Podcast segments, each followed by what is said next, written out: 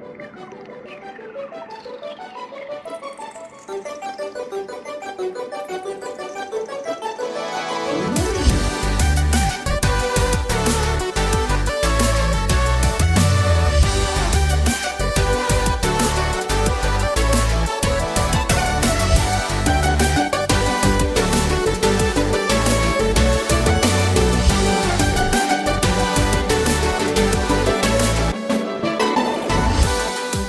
Velkommen tilbake til del to av spillmediets seks største utfordringer, der vi dissekerer alle problemene i spillbransjen og alt rundt. Eh, Jeg har fortsatt med meg Audun Rodem fra gamer.no Hei, hei.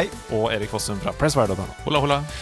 Eh, vi skal fortsette å snakke om utfordringer. Jeg håper dere har tatt eh, ut, eller sånn utfordringen vår, som vi ga dere sist uke. Gjør noe hyggelig i spill for noen. Var det ikke det det var? Sånn cirka? Jo. Hjelp Hjelp, noen. hjelp noen i et online-spill. Hjelp noen i et online-spill. Eh, hvis ikke, du har fortsatt muligheten. Allerede til neste uke kan du også hjelpe noen i et online-spill. Men vi skal gå hm? Ja, men bare, bare det, det er jo så bra, fordi altså Det er en, ting, en av tingene som er veldig bra med Final Fantasy 14, som vi snakka om forrige uke, er jo at folk er veldig behjelpelige her til nye folk. De, og spillet signaliserer at du er ny med en sånn ikon over deg. Og når du ser det, så tenker du oh ja, ok, den personen er kanskje litt ny. Da forklarer du noen konsepter. og sånt, Ja. og så er folk tålmodige og gjør det. Der hvor i andre spill ville det vært fucking noob Ikke sant? hvis det hadde hatt det ikonet over det. Og det sånn én av hundre ganger i League of Legends så skjer det også. Det er Ja. person som bare Dota. Ja, At det er én som vil da ta på seg og hjelpe teamet til å vinne, ikke sant? Ja. Jeg prøver å være sånn i Overwatch. Um, jeg prøver å liksom skrive sånn eh, oppmuntrende ord i in game-chatten og sånn. Um, fordi jeg syns det er kult med bra endorsement level. Bare Ja. fordi jeg, jeg Nettopp. Repetition. Ja, det er bare det er, det er som et RPG, da. Det føles som en sånn Ja, jeg vet ikke. Det er et hyggelig stempel, liksom. Mm. OK. um, Det er hyggelig å være hyggelig. det er akkurat det der! Det er givende å være god. Det er givende å være god. Uh, første punkt i del to handler om kampen om tilværelsen. Det er en stor overskrift. Eh, ja. Kampen om tilværelsen for spillmedie, egentlig. Eh, og det er kanskje litt rart at eh, jeg sier det når vi konkluderte i forrige episode med at spillbransjen er i enorm vekst, og det er mange som spiller, og flere skal spille og sånn. Men dette handler om noen punkter som dere, dere kommer til å skjønne det når vi begynner å snakke om det. Det første er den systematiske nedbyggingen av journalistikken. Det er det første punktet på denne lista. Og her sitter jeg med to journalister, så det er perfekt. Eh, Det har jo vært en tørkeperiode over mange år nå. Den begynte, med mindre jeg tar helt feil, da Aftenposten la ned sine spillesider, sånn rundt 2015.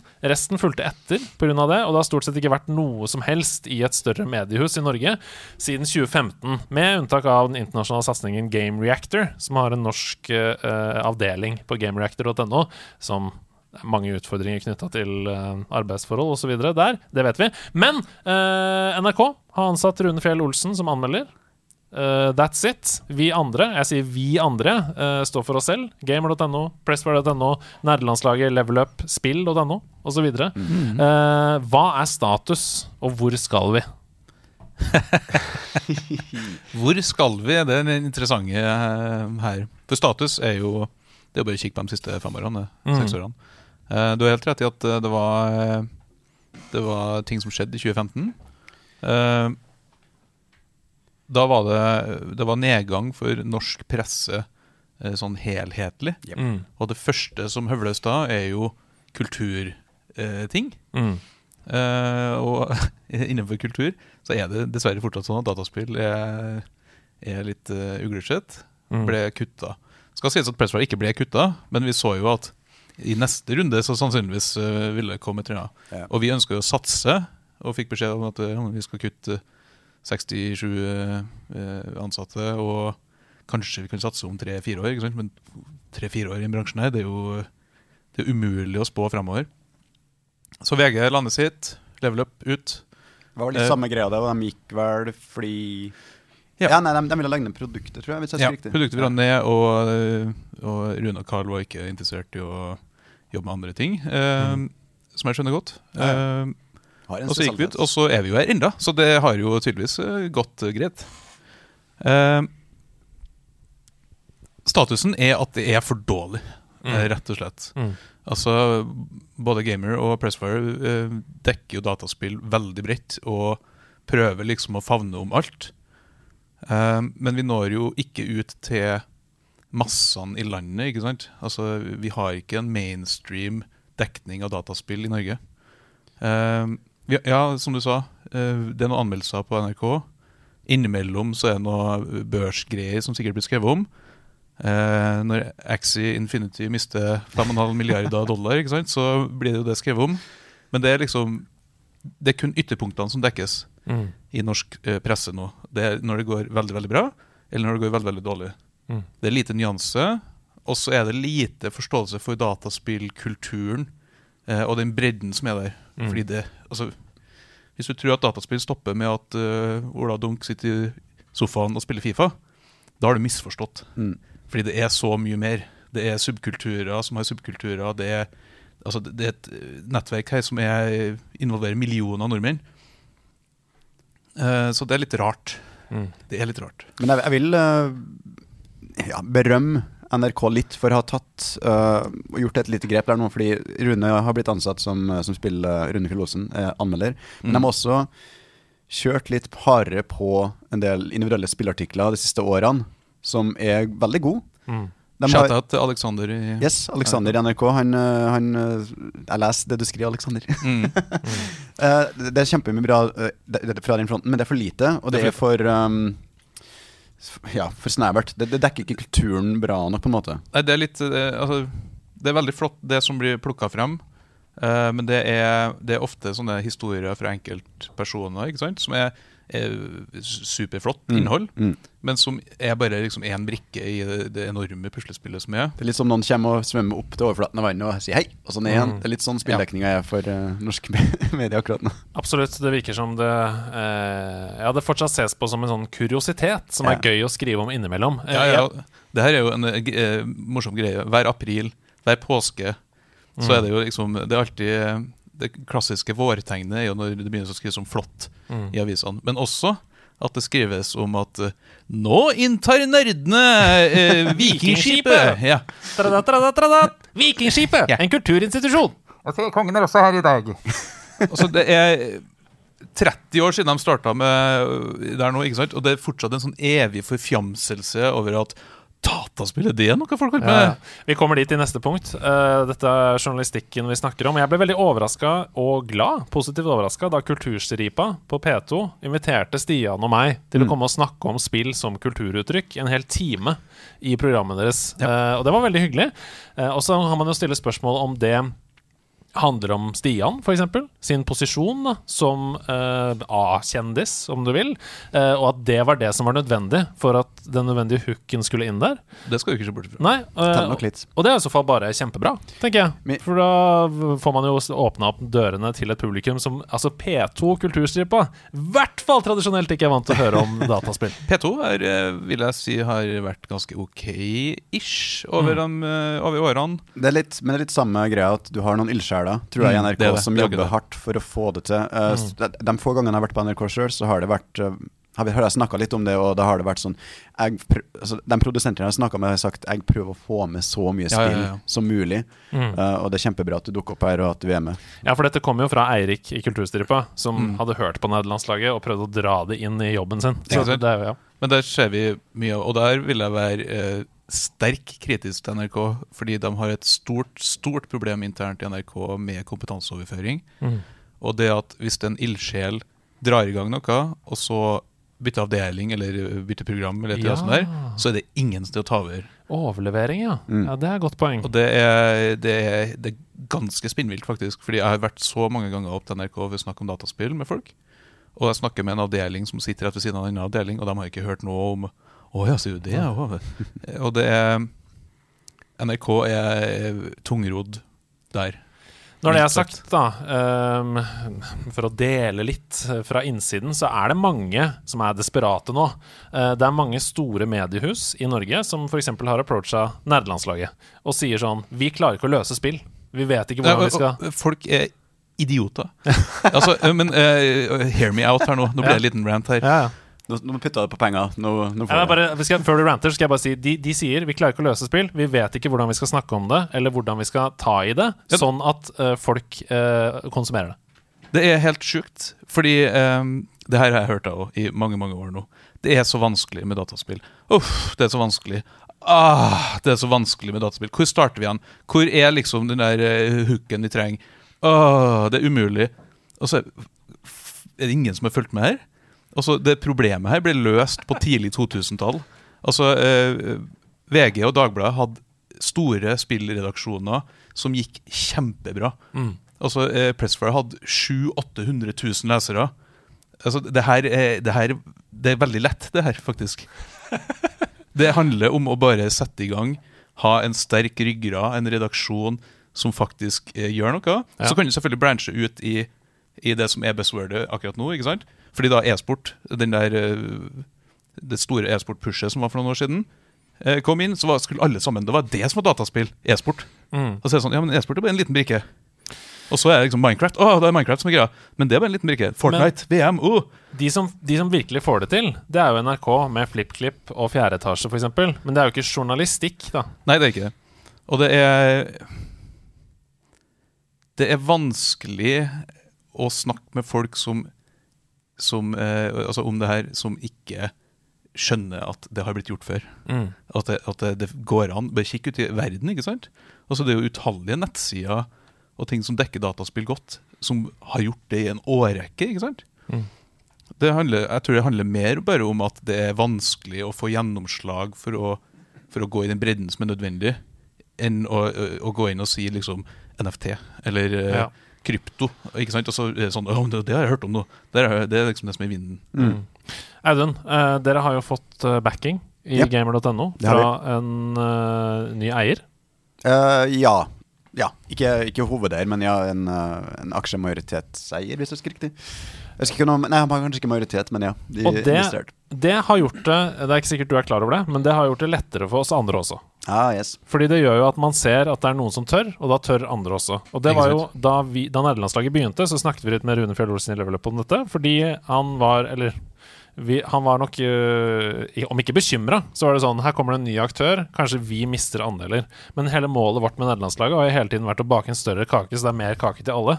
Og det ser jo vi konsekvensen av nå, at Harald Strømme og de nye eierne eh, satser på Good Game og, og gamer.no. Eh, Åssen har det vært for dere? Hva har det gjort for dere hittil? Først og fremst har det gitt oss trygghet i noen år. Uh, det har gitt oss midler til å, til å øke satsinga på områder vi ønsker å satse på. Uh, nå har jo um, det, det har gitt mest utslag i foreløpig, er muligheten til å ansette utviklere. Til å videreutvikle gamer.no som en nettside og plattform. Mm. Uh, neste steg for min del personlig Grunnstammen. Grunnstammen. Du skal ikke, du skal ikke kimse av det gode nettsida, altså. Men uh, Når man lager en sånn bildequiz, f.eks. nå, har, nå har vi fått inn et admin-panel på det, så nå skal det være bra. Nå skal det være bra. Uh, men mitt neste steg, mitt håp, er jo å få ansatt en person til Mm. på fulltid. som kan være med å dekke spill. Fordi um, det å Altså akkurat nå så er jeg den eneste fulltidsansatte på Gamer.no som jobber med uh, det redaksjonelle produktet, sånn sett. Um, vi har mange veldig dyktige frilansere som leverer på oppdrag. Men det å ha en person som er ansatt for fulltid, uh, det kommer til å gjøre verden min så mye bedre. Ja, ja, ja. Uh, bare det å ha noen å sparre med, noen å spille ball med. Spillebransjen er så stor nå, og det går så fort. Det er så mye ting å skulle eh, prøve å bite over. Uh, og det, det er nesten umulig å gjøre det alene. Og det er jo også grunnen til at nederlandslaget har gått fra to til fem. Eh, fordi vi ser at, som du sier, spillbransjen er så stor. Vi kan ikke ha kompetanse på alle områder. Jeg kan ikke kunne så mye om casual gaming som det Ida kan, f.eks. eksempel Og uh, Stians MMO-kunnskap er helt unik for han. Uh, alle vi fem kan ikke kunne masse om MMO. Det går ikke. Nei, ikke? Eh, så, så det, ja. Man må dekke ulike felter. Ja. Og det, det er litt tilbake til det jeg mener at eh, hvis en redaksjon skal gjøre det i Norge, altså et mediehus, så må de bite over hele kaka. Mm. Fordi det er den største veien til suksess. Du kan ikke bare laserfokusere på ett område, og så kanskje går det til helvete. Og så er det sånn Åh, men vi prøvde. Åh, det er vanskelig. Dataspill. Åh, det er vanskelig. Mm. Og så hele, og så hele den kaka med at dataspill det er for barn og unge. Mm. Fuck off. Ja. Det er det ikke. De aller fleste som spiller dataspill, er ikke barn og unge. Nei. Det er eh, Snittspilleren er 36 år, liksom. Mm. Det er ikke Det her er ikke en ny og spennende bransje mer. Det er spennende, spennende en, men det, det er ikke noe nytt, det her, altså. Come on.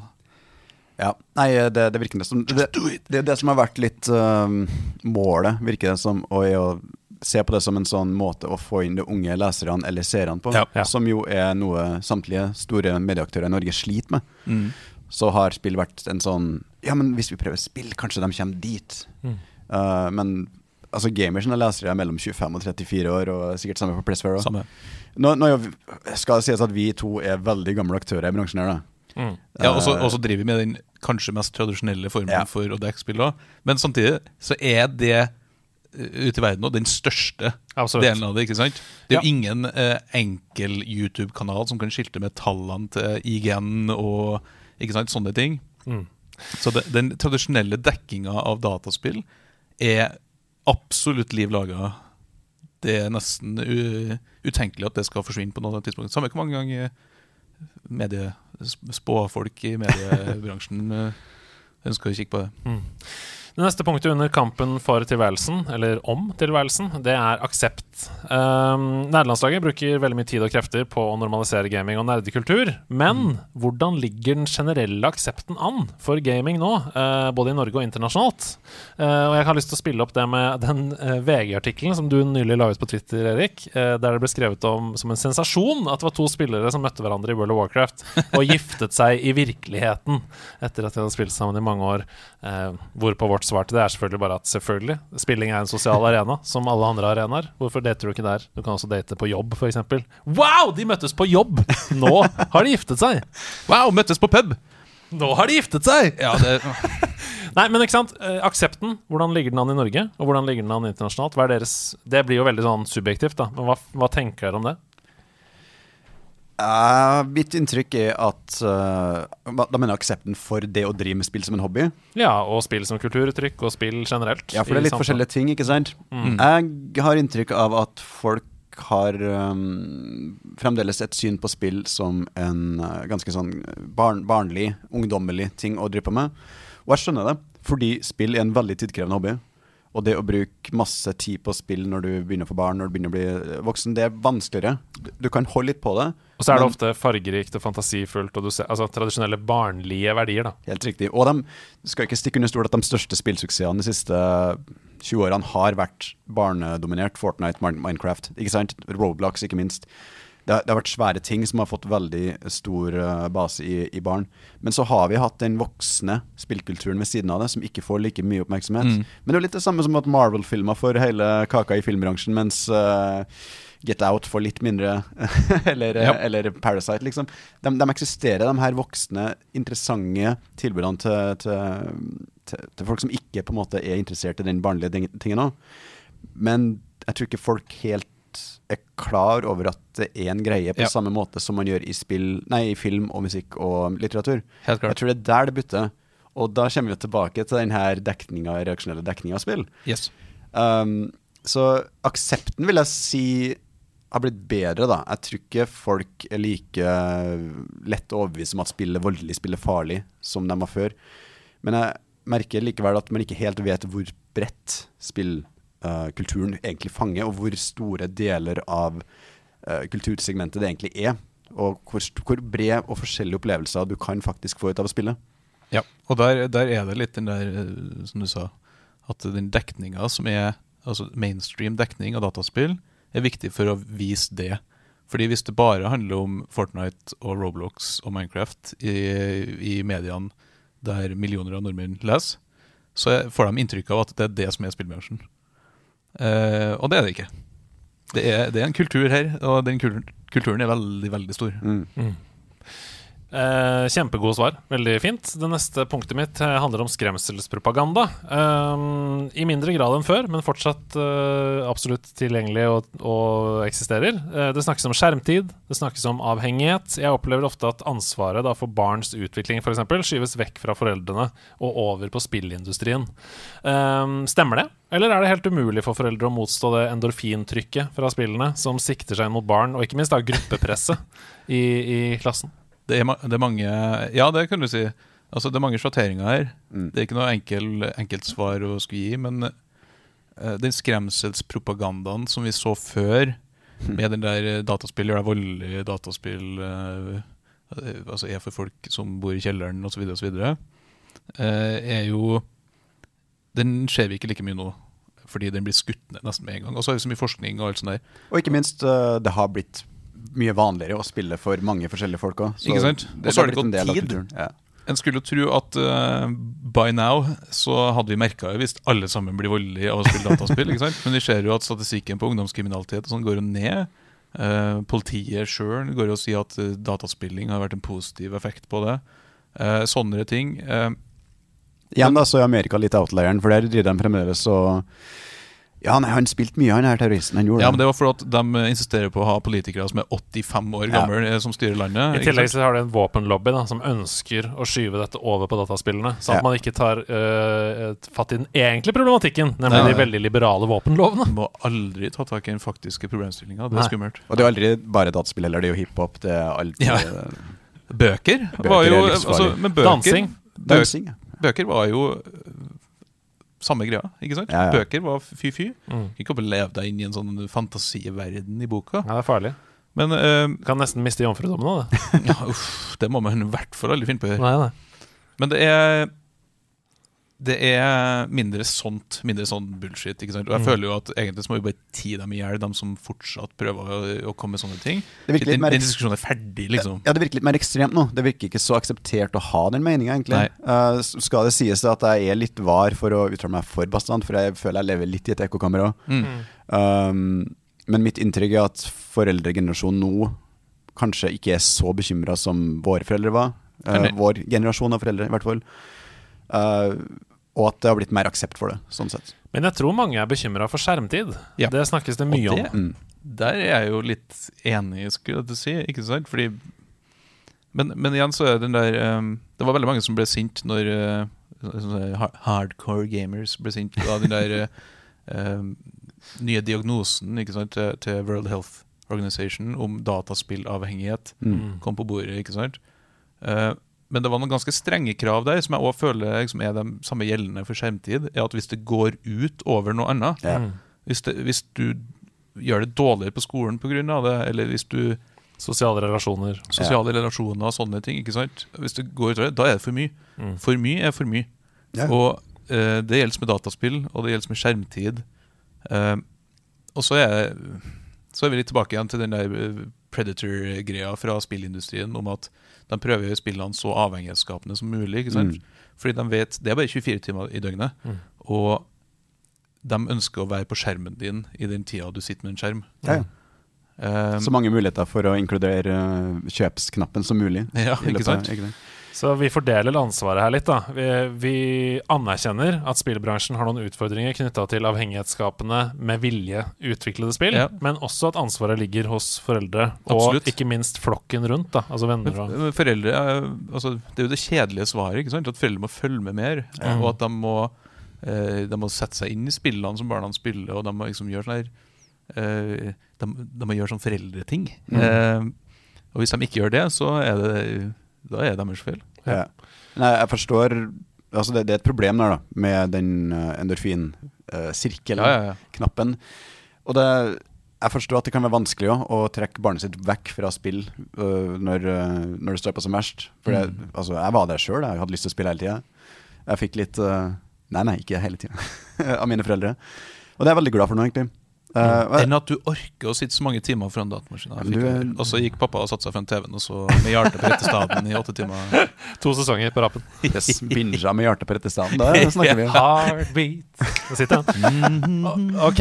Um, jeg syns det var fint, jeg. Da går vi videre til neste punkt, som heter mobbkultur slash meningsmytteri, som jeg har kalt det. Uh, og det første underpunktet der kalles uh, av meg for review-bombing. Eh, og review-bombing handler jo om eh, Det er veldig sånn u, altså, um, avdemokratiserende form. Det handler om når store folkemengder gir terningkast én, f.eks., til et spill. Gjerne pga. ting som ikke har noe med spill å gjøre i det hele tatt. Eh, og Noen kjappe eksempler på det. Kinesiske spillere review-bomba Life is Strange True Colors fordi en butikk i spillet hadde det tibetanske flagget utenfor butikken sin. Så da gikk jo det spillet ned til 3,5 på Metacritic, og sikkert led under salget pga. det. Uh, The Last of Us Part 2 er jo en helt egen podcast vi kan snakke ei, om. Uh, Review-bombet allerede før release pga. historievalg og sitat 'social justice warrior'-innhold i Ja, spillet.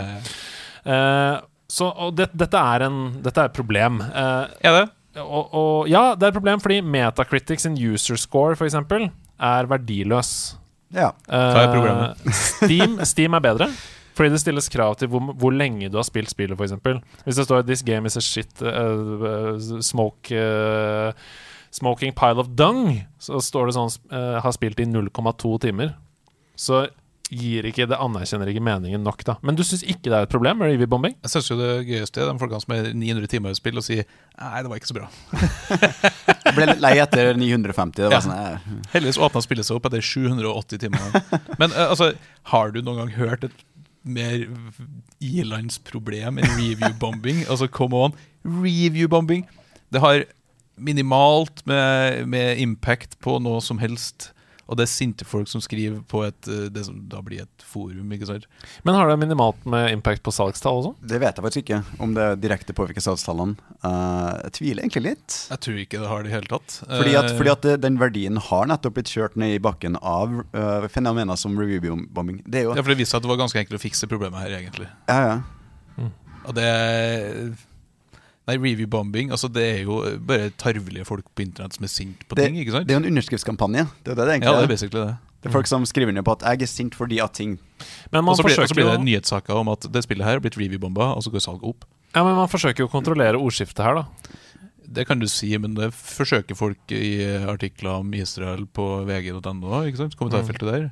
Det er ikke noe Altså br på Steam er betraktelig bedre enn Metacritic eller Ja. uh, IMDb eller noe sånt som er uh, mye mer uh, åpent. Det er helt klart. Og bare for å skille det her, nå snakker vi om user score. Yes. Altså Ja, ja, ja, den, ja. den journalistscoren som er satt sammen av en rekke på en måte anerkjente mediehus da, som har kommet gjennom et filter og sånn. sånn som gamer.no. Ja, for Ja. eksempel. Sånn som Gamer.no. Det, det har kredibilitet. Men user score, som det står til høyre der Ja. ja, Men det har ikke hatt kredibilitet Altså- ever, liksom. Nei, problemet, problemet Hvis det har kredibilitet, så er det et problem. Mm. Uh, jeg tror vi etter så mange år nå med det som en mulighet er litt varsom når vi ser et spill har uh, mixed reception på Steam, f.eks. Så tror jeg vi klikker oss inn, og så ser vi hvorfor. Og Steam er en plattform der de fleste som spiller på Steam, er såpass tech-savvy og Mm. forstår systemene såpass bra at de vet hva de skal se etter, og føler såpass med at de forstår at å ja, det spillet her ble review-bomba fordi at um, Det er vel en knapp for å ta vekk med- review-bombs. Ja, ikke sant? Mm. Hæ? Det var en knapp der bare for å ta vekk eh, altså, sånne åpenbare review-bombs-ting. ja. Ja. Filtrere det vekk. Ja, Steam har jo jobba mot det her i flere år nå. De har gjort alt fra å si at nyere anmeldelser blir vektlagt mer, med mer fordi at spill utvikles hele tida, til å ja, eliminere sånne ting som det er. da. Mm. Eh, jeg er ikke helt sikker på om jeg er 100 enig med Erik i at det ikke er et problem i det hele tatt. Men det er kun et problem hvis vi lar det være det, på en måte. Mm. Er det en løsning med login, eller? Sånn at man må altså inn med bank-ID på mobilløsning, liksom? Så Nei. man er nødt til å være, stå for det sjøl? Litt, litt farlig slippery slope, plutselig. er det. Ja. Altså, Altså, eh, altså VG begynte jo med Facebook-innlogging, så at folk skulle bruke hele navnet sitt. og sånn fordi da var det sånn Det er jo ingen folk på internett som er assholes hvis det hele navnet deres står der. Feil. Det var helt feil, det. ja.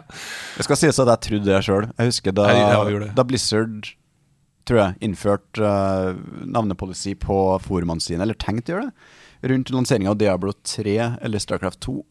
Så var jeg sånn Ja, positivt. Det her er bra. Nå, folk, uh, folk må ta stå til ansvar for det de sier på internett.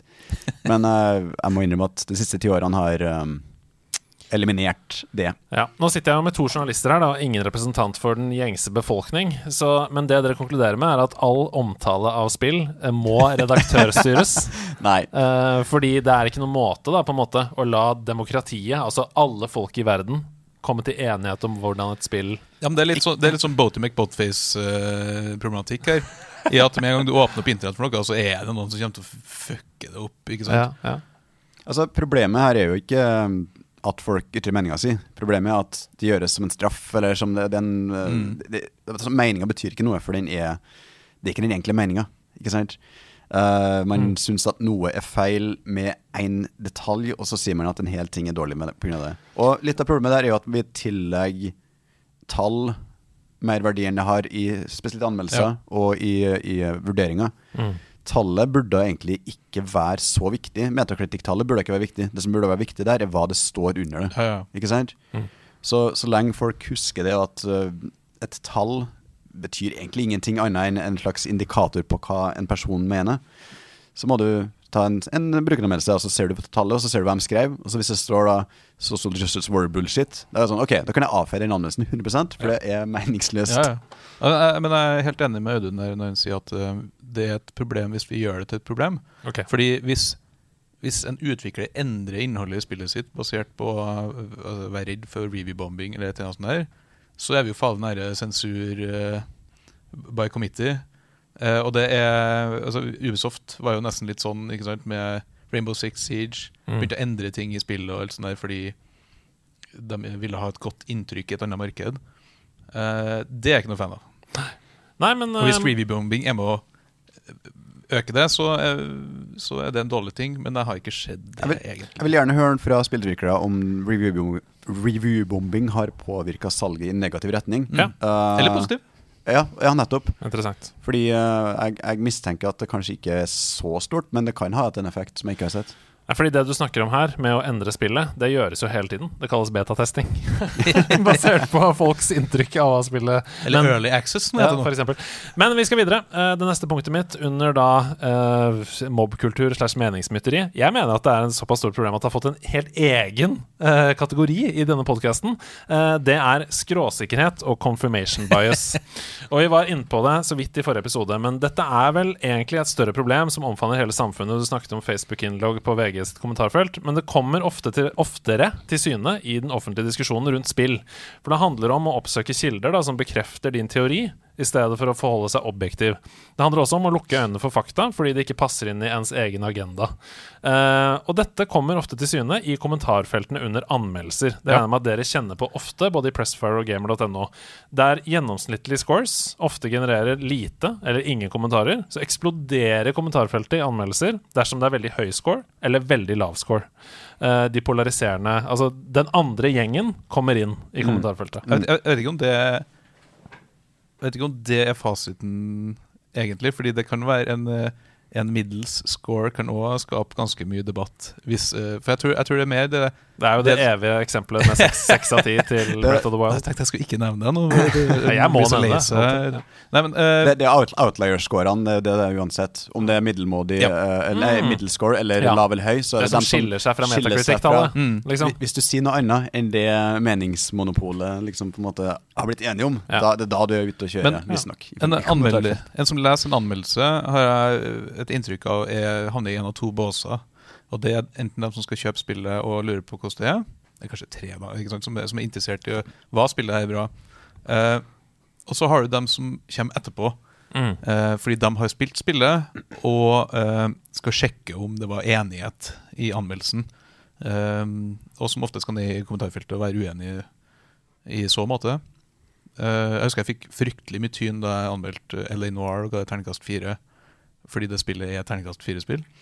Og da- Men det var liksom en, en og en halv uke før spillet kom ut, og folk var uenige med meg i kommentarfeltet da. ikke sant? Mm. Eh, så sånn, ja, men du har jo ikke spilt det. Og så spilte folk spillet, og så kom de tilbake etterpå og var sånn Ja, det var egentlig et terningkast eh.» Men siden det er Rockstar som har gitt ut, så kan det ikke være terningkast Nei, det, det er jo akkurat det. ikke sant? Fanboyisme kommer jo inn eh, i stor grad der òg. Mm. det så vi jo med Zelda-anmeldelsen på Gamer. ikke sant? Ja, altså, det var jo og- den oppriktige meninga til han som anmeldte spillet. Og det er jo Og dette, altså jeg har, dette må jeg bare gjenta. Jeg har sagt det før i nederlandslaget, men jeg elsker den anmeldelsen. Og Ja, ja, ja. vi har snakket den anmeldelsen så opp her i nederlandslaget fordi um, For det første så må det være plass til det. For det andre så er det helt valid, de tingene som nevnes. Alle punktene som nevnes, er helt valid. Vi har mange spillere i nederlandslaget Vi har mange spillere i nederlandslaget som sier Breath of the Wild er ikke for meg fordi våpenet blir ødelagt. Jeg syns det er et kjipt spill av det. Det er helt, helt valid! Det er et designgrep som de har gått for, og hvis det gjør det til spillet seks av ti for deg, så er det det. Helt fint, det. Det er jo hele poenget med en anmeldelse at det skal være subjektivt. Ja. Å nei, det skal være objektivt! Men eh, det er jo litt derfor det bra med et meningsmangfold i spillanmeldelser også. Ja. At eh, vi har, vi har um, At vi kan, kan gjøre det. Vi kan, vi, kan, vi kan si at et spill Ja, det, det traff ikke meg. Sorry, her er grunnene til det ikke traff for meg. Her er min analyse av spillet. Her er min analyse av hvorfor det ikke funker. Seks uh, av ti. Det skal jo også sies at det finnes jo eksempler på anmeldelser som er feil. Og det er jo få anmeldelser tror jeg som har skapt mer furore enn så, sånne anmeldelser som den footballmanager-anmeldelsen til IGN og som ga det to av ti, fordi du spiller jo ikke fotball Mm. i spillet. Ja, det har man misforstått. Ja, men jeg, jeg skjønner hva du mener, men jeg er usikker, uenig i at det er feil. Det er bare en veldig rar mening å ha. ja, også, eller, eller den eh, klassiske Mass Effect-anmeldelsen der han ikke skjønte at han måtte levele opp figuren sin. Ja. Og ga det én av ti. For det ble så jævla vanskelig. Men jeg, jeg, jeg elsker de anmeldelsene, fordi det, Ja, det er helt fantastisk. fordi det, det er jo noe som har skjedd der. Og det er jo sånn, Ja. den, den gyldig mening, den er bare ikke helt informert. Dessuten så er jo det Dette er jo en betatest, da. Det, det er jo et tydelig signal til spillutvikleren at de burde gjort det lettere å skjønne at du skal levele opp karakteren din. Ja. Ja, Eller- men hvis én person ikke skjønner det, så føler jeg kanskje det er den personen som Ja. ikke Ja, man men, men det er gøy. Man tar Men, Am, I the problem? men det, det er jo som du sier, ikke sant, at eh, sånne ting skaper jo reaksjoner. Ikke sant? Så da Ja. kommer folk inn. Mm. Uh, Ja, Men, men, men eh, for, for å avkrefte mytene, de, de klikkene har ikke verdt så mye, de der uh, sinte anmeldelsesklikkene. Så det, ingen driver og lager Eller jo, det er garantert folk som gjør det for øvrig, men vi ser ikke noe grunn til å lage sinte anmeldelser som skiller seg ut i verken positiv eller negativ retning, for det, det gir ikke nok det, det gir ikke noe inntekt i seg sjøl, og det gjør folk pissed. Og jeg får varsel på telefonen min hele dagen, og det, jeg har ikke lyst til å gjøre det. Så, det, det er den der eh, Altså eh, det, er kanskje en av de fine tingene med å være et nisjemedie, er jo at eh, At det, vi er ikke liksom sånn Klikkhoreri trenger vi egentlig ikke. Mm. Fordi eh, folk er der for de liker, liker det vi skriver om uansett. Det neste punktet på lista mi, det er altså det er de to første under dette hovedpunktet har kanskje vært litt mer sånn eh, ja, kuriøse da, å snakke om. Så er dette litt mer alvorlig, fordi det fører ofte til drapstrusler. Det fører ofte til ting som gjør at spillutviklere eh, og innholdsskapere føler seg utrygge i livene sine. Eh, og det handler om stempling av innhold. Og det handler om tilegning av meninger til spillskapere som de ikke nødvendigvis kanskje har. Eh, og nok en gang så handler dette om spillene, og, altså spillerne i møte med spillene de spiller, og de som omtaler spillene. F.eks. at innholdet er sånn og sånn, fordi vedkommende som har skrevet historien, er sånn og sånn, og at spillet har en agenda. Uh, her er et sitat som jeg leste i et kommentarfelt i forbindelse med anmeldelse av Av alle ting! Tiny Tinas Wonderlands. uh, der personen bak kommentaren mente at spillet var helt ræva og uspillbart fordi man, sitat, får presset homolobbyens propaganda opp i trynet gjennom hele spillet. Klassisk. Eh, oi, hva, var det, nei, nei, nei, var det mitt kommentarfelt, eller annet? Nei, det, dette, var på, dette var på Steam. Ok, bra. Um, og uh, det jeg mener her Altså, vi, vi snakket litt om The Last of Us Part 2 i stad. Um, der var det sånn at spillutviklerne ble drapstrua. Mm. For, uh, fordi de Altså, av folk som sier You are just this, this and this kind of person. Ikke sant? Du, du har en agenda med spillet. Du ødelegger mitt spill. Uh, jeg skal faen meg drepe deg, liksom. Vil ikke ha politikk i spillene mine. Ja, for eksempel. Um, hva skal vi gjøre med dette her, da? Uh, Media literacy, ja, hva heter det? Media literacy burde vært et fag i skolen. Ja, det er Hvordan du tilnærmer deg eh, kunstuttrykk og eh, kulturuttrykk generelt, er noe som det er tydelig at vi ikke er så veldig gode på. Mm. Fordi Altså, det skal ikke være mulig å komme til en sånn konklusjon bare ved å se noe eller å lese noe eller å, å I hvert fall noe som er så fiksjonsorientert og som er så løsrevet fra virkeligheten. At eh, Det, Ja. det er vanskelig å ta det seriøst, nesten, fordi det er så parodisk eh, ondskap, liksom. Sånn, eh, det, det er bare eder og galle ja. fra folk. Og det eh, Altså, vi må jo selvfølgelig ta det seriøst, fordi det er folk som holder på å eh, drapstrue liksom, folk Mm. på grunn av det. Og, Men det er det, det, det er som du sier, det er bare noe feil liksom her en plass, fordi de har misforstått hva mediet er for noe, eh, hva, hva det mediet kan inneholde. Eh, dataspill er liksom et, et, et uttrykk på lik linje med alt annet. Eh, selvfølgelig kan det være politikk i det, selvfølgelig kan det være debatt i det. Mm. Men ikke misforstå, selvfølgelig. Det er rom for å kritisere. Oh, ja, ja, ja, For å si at det her er dårlig pga. det. Problemet er egentlig argumentasjon og Mm. argumentet i seg sjøl. Spesielt i, med tanke på drapstrusler eller uh, det, det at man antar uh, en posisjon ut ifra verket. Da. Det, Det er veldig slippery slope, egentlig. Det er Mm. Ganske dårlig argumentasjonsteknikk. Drapstrusler. Veldig, Ganske ganske sjeldent eh, bra argumentasjonsteknikk. Men Eh, dette sier vel kanskje litt om spillmediets kraft òg, da. For folk får jo veldig personlige forhold til det kunstuttrykket. Mm. I, I større grad enn kanskje et eh, uttrykk man er passiv tilskuer til. Når man aktivt f.eks. styrer Joel i The Last of Us Part 1, så får man et veldig aktivt forhold til den karakteren. Mm. Um, er det derfor? Det kan være en del av det, men vi ser det samme i filmer. Uh, Marvel-filmer, Star Wars, Wars uh, TV-serier, uh, Breaking Bad. Mitt Jeg vet ikke om du husker det, men da Breaking Bad siste sesongen kom ut Game eller of Thrones, Ja, Game of Thrones. Hun, kona til Walter White fikk jo så mye drapstrusler, hatmeldinger og sånt. Mm. Som er litt ironisk, for at hun, hun er ikke en bad guy i serien. Nei I en serie fylt med bad guys. Ja. Mm. Uh, så jeg, jeg tror ikke det er så enkelt, men det kan godt hende det har en uh, eleverende effekt. At det hever nivået av tilknytning du har til en figur ved å styre den. At det blir nesten sånn ikke fuck opp Ja, ikke, Det er min venn, liksom. Ja, ja. Eller min bror, eller Men jeg, jeg har alltid slitt med å forstå helt hvorfor Altså, det, det er greit å være misfornøyd med noe, men det gamle eksisterer fremdeles. Last of Us 1 eksisterer, selv om det Last of Us 2 eksisterer. Mm. Så hvorfor er du sint? Altså, du kan bare ignorere det hvis det liksom ikke er din Ja, for det, det er jo en greie, ikke sant? Altså, kan du ikke bare la være å spille det, da? Altså, Hvis Ja. det står så imot dine verdier, eller altså, samme hvor tarvelig jeg er, kan du ikke bare holde kjeft og spille noe annet? Ja, Da er det ikke for deg, Eh, rett og slett. Eh, men jeg tror det her knyttes jo ikke sant, på litt bredere felt tilbake på kultur, på eh, menneskesyn, sånne ting, ikke sant? Eh, altså eh, hets og, eh, og hat overfor andre grupper mennesker er jo noe Det, det er ofte der det liksom Mm. kommer ut fra. Um, jeg vet ikke helt hva jeg prøver å si her, men det er Det, det er større spill. Det handler, det større handler om verdisynet ja. til folk Ja. uh, utover det. Altså, Drapstruslene kom jo ikke for at spillet var dårlig, eller for at det teknisk sett var dårlig, eller fordi ikke sant? Det var jo fordi folk eh, ikke eh, greier å være inkluderende. Ja, det, Mm. altså, de, det er meningsinnholdet de er uenige i. Det, Mm. det de leser ut av spillet, det de um, ikke syns øh, Eller representasjon av karakterer, da. Det er jo det som er problemet her. Og så er det den der, den der tanken eh, på at dataspill skal være liksom helt nøytralt, som er absurd. Dataspill har jo aldri vært nøytralt i noe som helst. Det, altså Samme hvilken historie som fortelles. Uh, og, og, og den dissonansen som jeg, jeg husker den der Battlefield-greia som var med eh, hvorfor er det kvinner i, som kjemper under krigen og alt sånt der. Mm. Og så er det en spillserie der du har eh, altså, haier som kommer og spiser folk. eh, altså Du rir rundt på unicorns. eh, Der du krasjer en jeep inn i et fly, og, så, sant? og så tar du 360 noscope av en fyr i andre fly, og så tar du Ja. parachute tilbake igjen. og det er ikke sant Det er en sånn Det bare henger ikke på grep. Og jeg føler jo at rasisme og sexisme og alt det, det henger jo egentlig ikke på grep. Nei, nei, det, det er merkelige greier.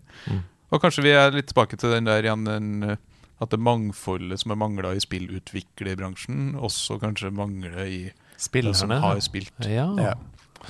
ja, nei, da får vi bare la uh, tiden ta tiden til hjelp, da. Uh, på dette punktet også. Vi får jo håp at det blir bedre. Ja. Eh, men det, vi er litt tilbake kanskje ja, at det der at alle har en melkekasse å stå på akkurat nå, Mm. og står og roper og er sint alle sammen. Og kanskje det bedrer seg også over tid. Punkt nummer tre i denne uh, spesialen, spillmediets seks største utfordringer del to, har jeg kalt for e-sportens kaospregede tilværelse.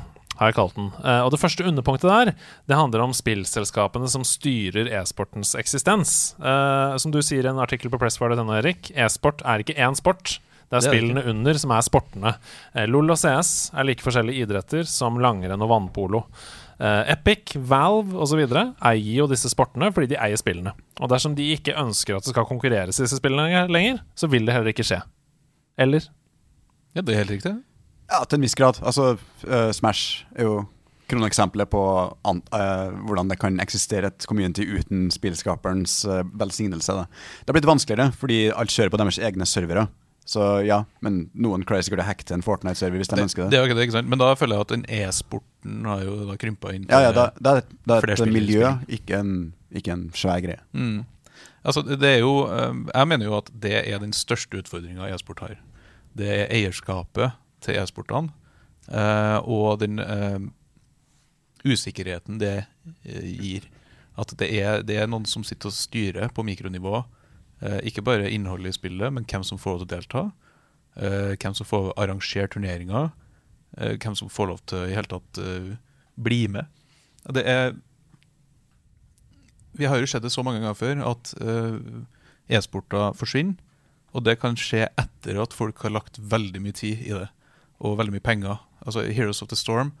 det var jo lag der, ikke sant? det var spillere, det var folk som hadde som jobb i et år eller to. Og så ble det bare strupa fordi eh, Blizzard så at eh, det her tjener vi ikke nok penger på.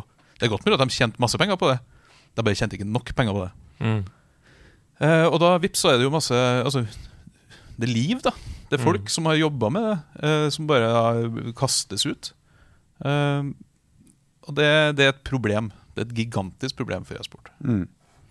Ja, fordi Fifa eier jo f.eks. også fotball. da Altså, Du har ikke lov til å arrangere ditt eget fotball-VM. Ja, Men du kan Eh. ikke utestenges fra konseptet fotball. Altså, Du, kan ikke, du blir ikke stoppa fra å gå ut på løkka med, med å sparke ball. Mm. Eh, det kan du i et dataspill. Ja. Hva gjør vi her, da? Eh, løsrive spillene fra spillselskapene på en eller annen måte? Hvordan kan man gjøre det? Det er jo opp til spillselskapene å trygge uh, e-sportutøverne og, og bransjen om at det her er noe dere for, Mm. kan fortsette å gjøre. Uh, det, de sitter på all makta, og da er det også dem som bør si vi kommer til å støtte her i så og så mange år, eller sånt. En sånn forpliktelsesavtale, et eller annet sånt. Ja, og, og En skulle tro at det er i deres interesse å få det her til å bli bærekraftig Ja. stort. Absolutt. Og vi ser, vi, vi ser jo at det er jo en løsning på det. Mhm. Og Riot er jo i ferd med å gjøre det med Valorant nå, og de har allerede gjort det med League of Legends, og det er jo franchising. Ja. Lås toppen. Mm. Ha en ha at e-sport er eh, kremen, liksom. Det er Champions League. Eh, til en viss grad på bekostning av grasrota. At det ikke er en pyramide som går oppover.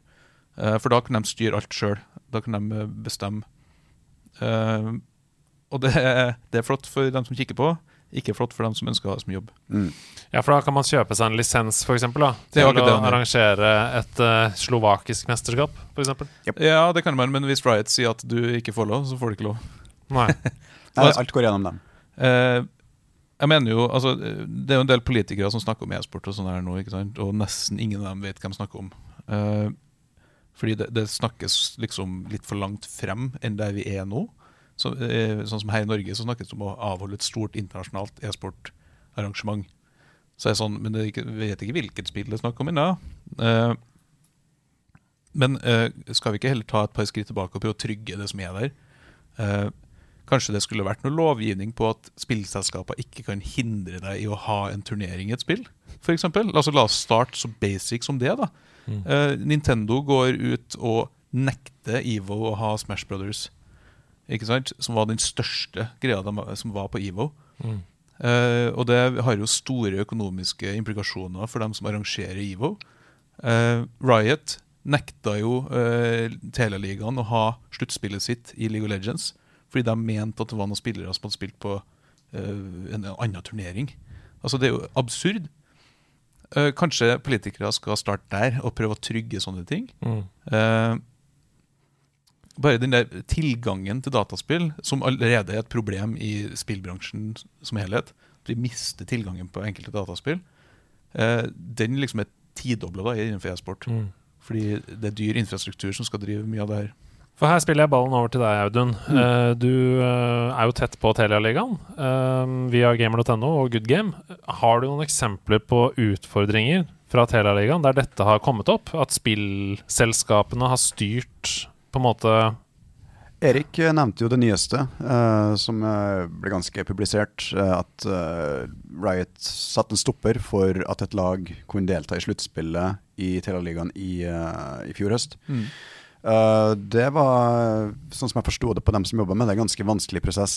Uh, og uh, det er tydelig en utfordring som må, må jobbes med. Litt av Vi har jo sett det før òg, som, som nevnt Heroes of the Storm. Vi har, det var vel aldri i Telaligaen, men det miljøet forsvant over natta. liksom Jeg har aldri sett noe forsvinne så fort. Og det var profesjonelle lag, infrastruktur, Blizzard sine egne ansatte. De sparka så å si hele e-sportavdelinga Mm. si over natta. Det var liksom 80 stykker. Mm. det, Ja.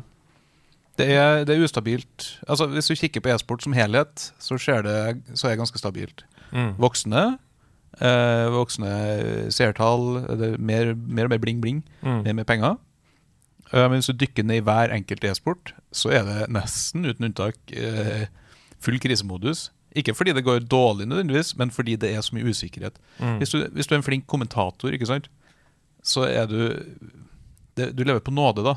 Om du får være med på den neste majoren. Mm. Det, men skal jo sies at uh, det har gjort en del av de folkene som jobber med e-sport, til å bli veldig agile og flytte seg fra Ja. spill til spill. Og det gjelder også enkeltutøvere som har skifta spill fra Dota 2 til League of Legends, fra CS til Valorant. Ja.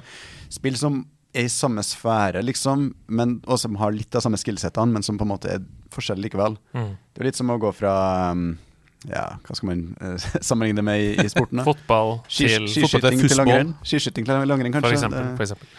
Ja, nei, altså uh, For å dra det litt tilbake Fortsatt. igjen, så var det det du snakka om uh, for en stund siden. Så snakka du om at man konkurrerer om din tid. Altså din tid foran skjermen. Mm. Eh, og det man lever av i mediebransjen, er jo rettigheter. Ikke sant? Så det er klart at spillselskapene ønsker jo ikke å gi opp rettigheter Nei, til nei, nei, sine eh, franchises for eh, å desentralisere, sånn at det vil bli mer eid av folk. Da. Men pga. dette så har man jo også fått mods som har blitt til hele spillsjangre, f.eks. Dota, som jo er en mod. Ja. Men Og- som, som nå blir styrt med jernhånd fra Valve. Selvfølgelig tatt tilbake igjen. Så ja, fortsatt Jeg syns det er kommet mange forslag her. Gode forslag. Og man har jo nå en um, hva skal jeg si, en ny ledelse i Norsk e-sportforbund som uh, går i en bedre retning enn den gamle ledelsen. Mildt sagt. Ok, Det neste punktet mitt under e-sport er oppblåsing av egen størrelse og oppblåsing av e-sportens posisjon for kjapp profitt. Um, useriøse aktører de har jo i en årrekke verden over, altså, ikke bare nå snakker jeg ikke om Europa, eh, manipulert statistikk, manipulert tall, gitt urealistiske forventninger til kommersielle samarbeidspartnere over hva de kan forvente av sin return of investment. Da. Eh, og ikke minst hvilke målgrupper de skal nå, og hvor mange de vil nå med sin investering. Jeg har selv uh, sett utallige TV-pitcher da jeg jobba i TV-bransjen, og investorpresentasjoner uh, der jeg har sittet og hørt på og ettersett ettertid bare hatt hakeslepp fordi jeg har lest da, eller hørt regelrett løgn svart på hvitt i en presentasjon foran investorer eller foran folk som sitter med avgjørelser og skal trykke på knappen, pengeknappen. Og bare for å ha det på det rene, da snakker jeg ikke om min tidligere arbeidsgiver, Nordavind slash Zero Zero Nation. Eh, tvert imot, der opplevde jeg ofte ganske realistisk forventningsstyrer eh, og ganske lange avtaler da, med aktører som DNB f.eks., hvor de fikk vite helt konkret hva de kom til å få igjen i Telia-ligaen av antall seere, f.eks.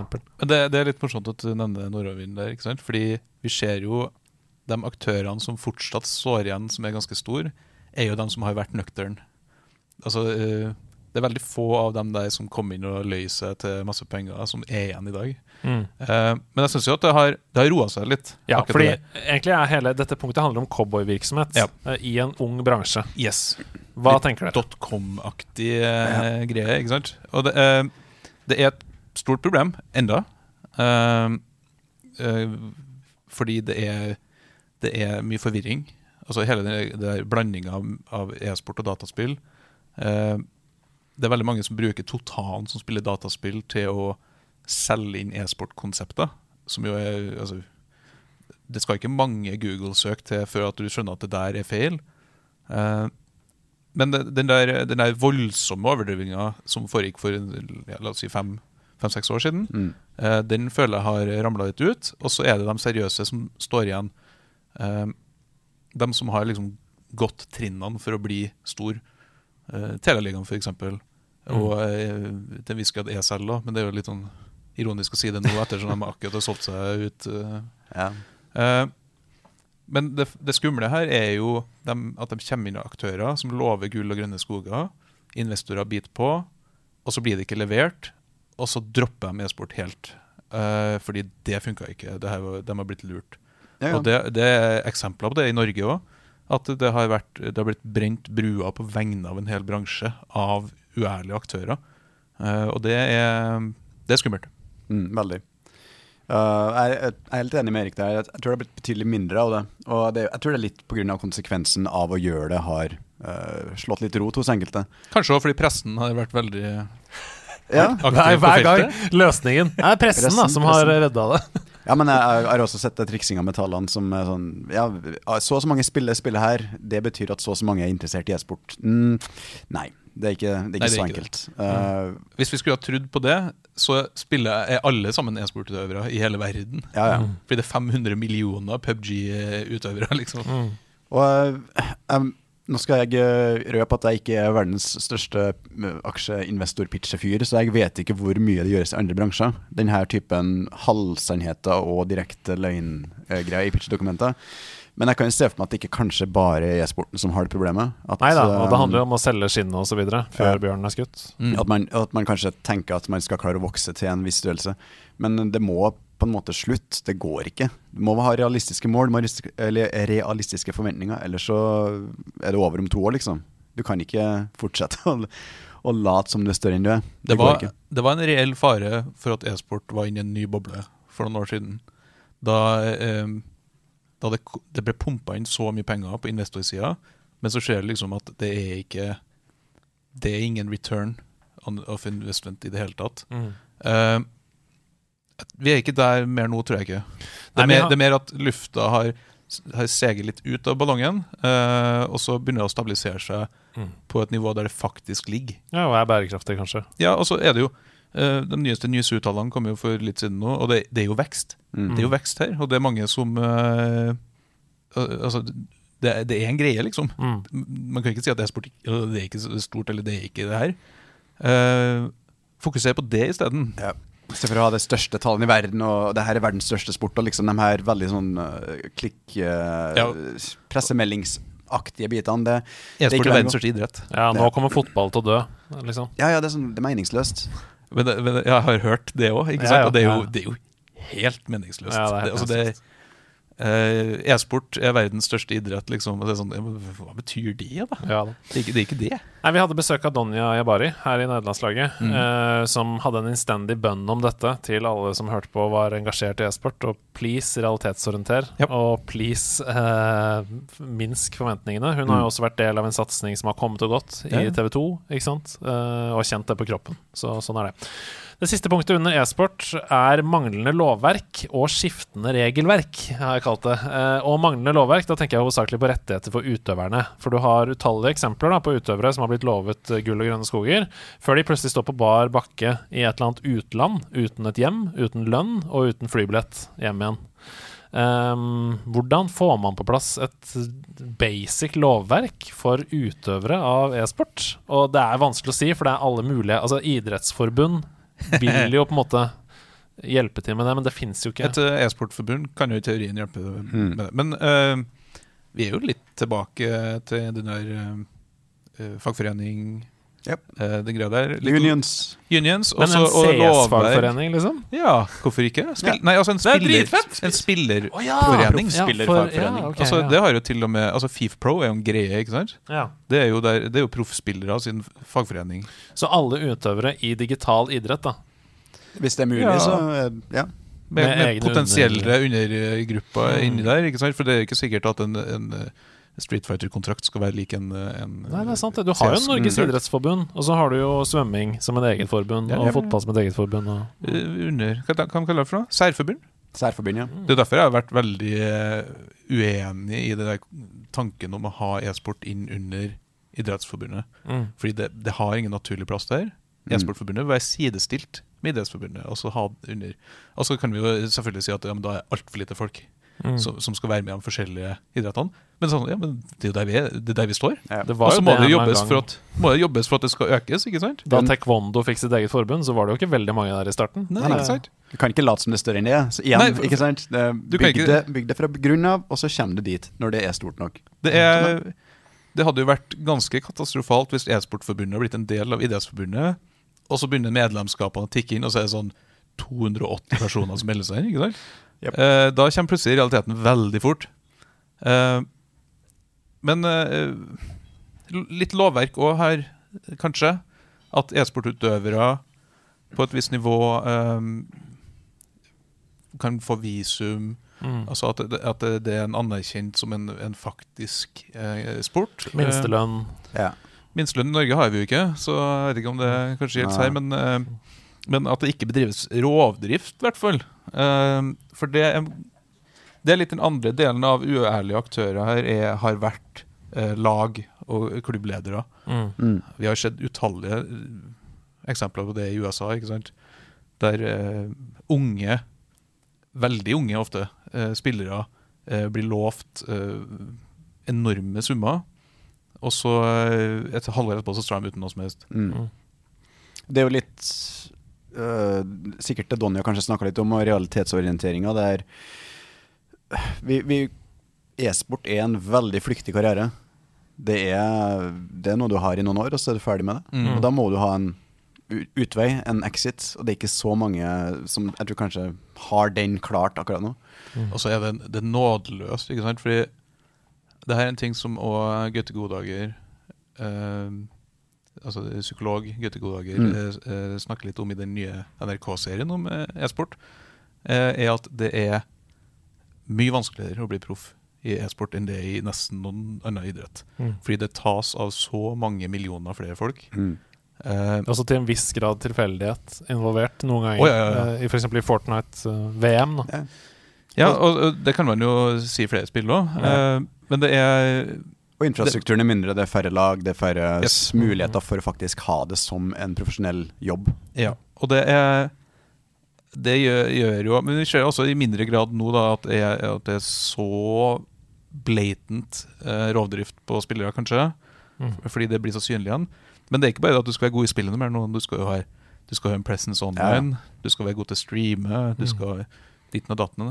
Eh, og det er, det er andre ting som Altså Hvis du tar et, en kid da på 13-14 år som har et potensial i et spill, og så må han samtidig holde på å hore seg ut på Twitch og Twitter og alt sånt bare for å, for å bli lagt merke til. Uh, det er ikke nødvendigvis så sunt. Nei. Uh, kanskje det kunne vært noe å jobbe med òg. Hele den der Ja. Det er kanskje litt på siden av lovverkdiskusjonen, men, Ja, det er men, kanskje. men eh, jeg, jeg tror det henger litt sammen. da At um, strukturer, sikkerhetsnett for folk, det burde eksistere. Eh, om det er via lovverk, eller om det er via organisasjoner som jobber for å fremme det, eller om det er klubbene sjøl, ESL altså Om det er instansene som bør ta det ansvaret. Noen bør i hvert fall eh, tenke på det. Fordi eh, du kan ikke bare drive rovdrift på folk og så kaste dem ut med en gang. Det går ikke. Helt avslutningsvis så er det dette med skiftende regelverk som jeg har lyst til å begynne hos deg, Audun. Um, vi har Overwatch som et eksempel. Går fra seks til fem uh, utøvere, f.eks., hvor en tankrolle forsvinner, som man kanskje har spesialisert seg i. Det handler om altså, stadig skiftende regelverk innenfor spillene, og ikke minst konkurranseformen knytta til dem. Det kan være så enkelt som at man går fra at en runde varer 2 minutter og 30 til 1 minutt og 30, Mm. hvor strategier forandrer seg, f.eks. Eh, og det gjør det jo veldig vanskelig å stabilt hevde seg på toppnivå. Vi har veldig sjelden i e-sporthistorien sett én utøver som har jevnt holdt toppnivå. Kanskje bortsett fra The Viper i Age of Empires, f.eks. Men det er fordi spillet ikke forandrer seg, da. Uh, men ja, hva gjør man med dette, da? Uff, ja, nei, hva gjør man med det her? Eh, spill er en levende uh, form for uh, produkt som endrer seg til det daglige. Det er det som er problemet her, ikke sant? Men må At- det være det? Altså, Fotball vil ikke plutselig ha en annen gren hvor det er ni spillere? Det, det må ikke være det, men det ligger litt i spillenes natur. Alle store e-sportspill, tror jeg, ble først og fremst laga for en bredere gruppe spillere som, Yes. uh, som er mer inntektsbringende og mer interessant for spillutgiverne. De krever oppdateringer som endrer på balansen i spillet, som legger til ting, som fjerner ting, som gjør endringer underveis. Og så lenge det er viktig, så, så blir det veldig vanskelig å liksom skal uh, Tviholde på tviholde på gamle regler, ikke sant? Mm. Det er, det er Du treffer spikeren på hodet der, tror jeg. Fordi uh, du må huske på at e-sportspillene som spilles Den e-sport-delen av den spillende massen er en forsvinnende liten del av den som faktisk spiller spillet. Eh, og det må holdes fresht. Hvis ikke så dør spillet ut. Eh, og det er Det er nok grunnen til at du har så hyppige oppdateringer. Mm. Eh, men det finnes altså, men det finnes jo oppdateringer som har gått riv rusk feil. ikke sant? Ja. CS eh, ble det innført en sånn eh, børsvariant eh, når du skulle kjøpe våpen. Med at prisene på våpen endra seg etter hvor populær Ikke sant? Og det her var jo noe som lagene var bare sånn Oh shit, det her kan vi ikke ha i spillet, liksom. Men Valve var sånn Ja, men vi tjener penger på det fordi folk uh, syns det er fett. Ja. Og det er ikke bra. Men, det- men det ble reversert, ble det ikke? Det ble reversert til slutt. Ja. Um, Og CS er vel et av litt mer stabile spillene, sånn sett, der regelverket i Ja. seg sjøl ikke har endra seg betraktelig over årene. yes, og da er skillen som øker, da. Ja. Og så har du jo spill som Starcraft til Starcraft 2, der spillet, i, altså grunnstammen kanskje er ganske lik, men ikke, ikke det samme, liksom. Nei. Eh, Da Smash Brawl kom ut, så innførte jo Nintendo spesifikt en funksjon i spillet som heter tripping, som er akkurat det du tror det er, at du bare randomly snubler. Med det formål av at det ikke skulle avholdes kompetitive kamper i det spillet. RNG. Og det er, det er jo helt ja, det er helt Ja, ja. og det var frustrerende for dem som ikke spilte på proffnivå. Det var en Mm. merkelig greie. Mm. Uh, men uh, samtidig så ser vi jo at uh, andre sporter har jo endra regelverk opp gjennom tidene. Det skjer bare mye sjeldnere, og Mm. ikke så hyppig. Men uh, offside-regelen, da den kom? da? Var sånn 70-tallet? eller noe? Ja, ja, ja. Altså, eh, en av mine favoritt gamle fotballregler var jo at eh, eh, det var laget som fikk tak i ballen først, som fikk innkastet. Det er gøy. det, det er gøy. Wow, det er slåssing, ja. Ja, ikke sant? Så- det har vært litt gøy nå òg, egentlig. Så de har jo, Sporta er ikke statisk 100 dem heller. Nei. Eh, det har vært forslag om å kutte ned på spillertid. Altså dom, dommerne har fått er litt flere, nye det er flere bytter nå i Premier League. Ja, eh, så, så det skjer ting, men ikke like kjapt som spill. Så det som, Og ikke like drastisk. Nei. Så, men så jeg tror egentlig jeg sa hvorfor det ikke kommer til å skje uh, da jeg starta her, med at så lenge spillene i seg sjøl er først og fremst tiltenkt en større gruppe enn bare dem som spiller e-sport, Mm. uh, og spiller profesjonelt, så vil, eh, vil det, være, det vil gagne utviklerne å endre dem fort. Vi, vi fremsa som en mening, da vi, eller som, en, eh, som et forslag til eh, Ja, et slags forslag, da vi diskuterte dette etter at du kom med e-sportartikkelen din, Erik, Mm. at kanskje det er en mulighet for aspirerende e-sportsutøvere å trene veldig hardt på basisferdigheter, sånn at man enklere kan flekse mellom spill, sånn som du sier CS, Valorant osv. Hvis, man- hvis man blir god i én sjanger, altså FPS f.eks. Eh, trene veldig hardt på eh, Kovacs aim training eh, og, og kommunikasjon internt i et lag, Ja. sånn at man enkelt har mulighet til å bytte gren. Er det en vei å gå? Det er ikke dumt. Men eh, problemet igjen da ikke sant, er jo at innenfor e-sport, hvis du skal virkelig ha en karriere, her, så må du være best. Jack of all trades, master Ja. of none. Det er akkurat det, ikke sant? Og da er du sannsynligvis ikke god nok i noen av de spillene du hører på, har lyst til å komme inn på, til at du i hele tatt kan ha det som en jobb. Kan bli streamer, da, så lenge du har den Det er sant. yep. Og streaming er altså, Paradoksalt nok så er jo den streaming-aspektet en av de tingene som eh, holder på å utfordre e-sport litt, og holder på å ødelegge Ikke, ikke ødelegge, kanskje litt drøyt i det, men eh, vi har sett flere proffspillere som slutter. Mm. Fordi det er mer eh, penger å hente i å, å streame. Mm. Ja. Og de slutter liksom på et tidspunkt der de er best i verden, og, at vi, og da mister vi liksom den eh, Altså de spillerne. Mm. Uh, men jeg vet jo òg at i enkelte spillsjangere, kanskje spesielt i slåssespillsjangeren, så sitter jo folk med hjertet i halsen når det kommer en ny oppdatering. Fordi Mm. de har spesialisert seg på én eller to figurer i det spillet, og da snakker jo Da blir det Mm. veldig laserfokus, ikke sant? Så kan det hende at oh, shit, eh, Blanka er ikke lenger en bra spiller i spillet. Metaen Mm. har endra seg vekk fra den. Da er du fucked. Altså en, en løsning her kan jo være å låse spillet til en viss versjon, og så bruke det i si ti år, da. Ikke sant? Det er en Mm. mulighet. Uh, hvis- Hearthstone gjør jo dette nå. De roterer, eh, sånn som Magic gjør kompetitivt også. De Mm. roterer hvilke eh, expansions som er lov å spille med til enhver tid. Så det er tre og tre av gangen, og så roterer det. Mm. Så, så det, det, det er jo sånne ting som kan gjøres. Og hvis problemet fortsetter å eksistere, så er jo det kanskje en vei å gå. Eh, jeg føler jo CS gjorde litt det, på en måte, ved at de bestemte seg for å bare kjøre på med det de gjør, som regel. Da CS Source kom ut, så var det jo Det splitta jo communityet, for Mm. halvparten ville jo fortsette å spille 1-6. Mm. Uh, Jeg tror ikke proffscenen i Source var så stor. Det var liksom 1-6 som ble Nei, men så var jo liksom Valve droppa jo 1.6, da. Så Ja. det var jo pengene lå jo da i Source. Ja. Eh, og da CSGO kom igjen, så ble jo Source droppa eh, umiddelbart. umiddelbart. Og det er jo fint, det. Og det er fint når det går bra. Mm. Da er det ikke noe problem. Men uh, det er jo ikke fint når det ikke går bra. Altså Overwatch Overwatch som e-sport er jo helt dødt, ikke sant? Mm. Og det er jo pga. avgjørelser gjort på styrerom. Fantastisk. Eh, jeg tror vi alle har lært eh, mye i dag. Jeg har i hvert fall lært masse av å høre på dere. Det har vært en fantastisk, eh, fantastiske to timer over to episoder. Jeg er veldig glad for at dere hadde tid til å komme her og snakke med meg om disse utfordringene. er det noe dere har lyst til å legge til til slutt? Altså Personlig så kjenner jeg jo på sånn Ja, dette er utfordringer med denne spillbransjen, men det er jo så mye fantastisk med spill med det også. nå har vi på en måte dykket ned i noen vanskeligheter, og det er mange igjen å ta av som vi ikke har snakka om, så vi har så vidt vært innom her med digresjoner.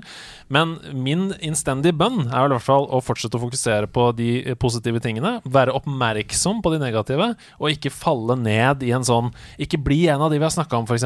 I Review Bomber. Ikke bli en, eh, en fyr som eh, trakasserer, eller ikke sant. Sånne ting. da Vær oppmerksom på disse utfordringene og fallgruvene som er lette å falle i. Um, er det noe dere kjenner på? Som dere har lyst til å legge til til slutt? Uh, ja, jeg vil jo påpeke litt det samme at vi har tatt opp en del problemer her. Og litt av, jeg tror litt av grunnen til at de er så synlige nå, er at vi har At ting blir bedre. Mm. mm. At det er en litt sånn voksesmerte, på en måte. At det her var problemer som alltid eksisterte, men som blir utfordra og dermed dratt opp i lyset. Så det er ikke sånn at det har blitt verre, mm. det er bare at det har blitt mer synlig. Mm. Og det kan føre til endring over tid. Så det er jo ikke Det er bra å diskutere problemer. Det er sånn du kommer til løsninger. Mm. Ikke sant? Ja, ja, ja. Og det, Noe av det verste jeg vet, er folk som er sånn eh, Ikke mobb hobbyen min. Ikke snakk stygt om dataspill. Uh, fordi dataspill er bare 100% perfekt. Det er det ikke. Nei, nei. Men på andre sida så, så, vil jeg si at dataspill er jo uh, fucking amazing. Mm. Altså Det er jo kjempegøy, det er kjempeflott. Det er inkluderende og helt suverent. Uh, det er kulminasjonen av alle andre kulturuttrykk liksom samla i ett. Mm. Og det, det er det er suverent. Det er en grunn til at alle Nei, men det er, jo, det er jo en grunn til at alle vi tre dedikerer livene våre til det. Ja. Det er jo en grunn til det. Ja, ja. Og med det så tenker jeg at vi bare avslutter. Tusen takk til deg, Audun Rodem i gamer.no. Takk, takk. Og takk til deg, Erik Fossum i pressfire.no. Jeg takk. håper at det ikke blir siste gang vi hører fra dere i nederlandslaget-sammenheng. Um, og så får dere si fra, da, hvis det er noen av oss dere har lyst til å bruke til noe. Så er vi tilgjengelige, vi. Ja. det skal vi gjøre. Ha det godt, folkens. God helg. Vi prates snart. Hei, hei. Ha det.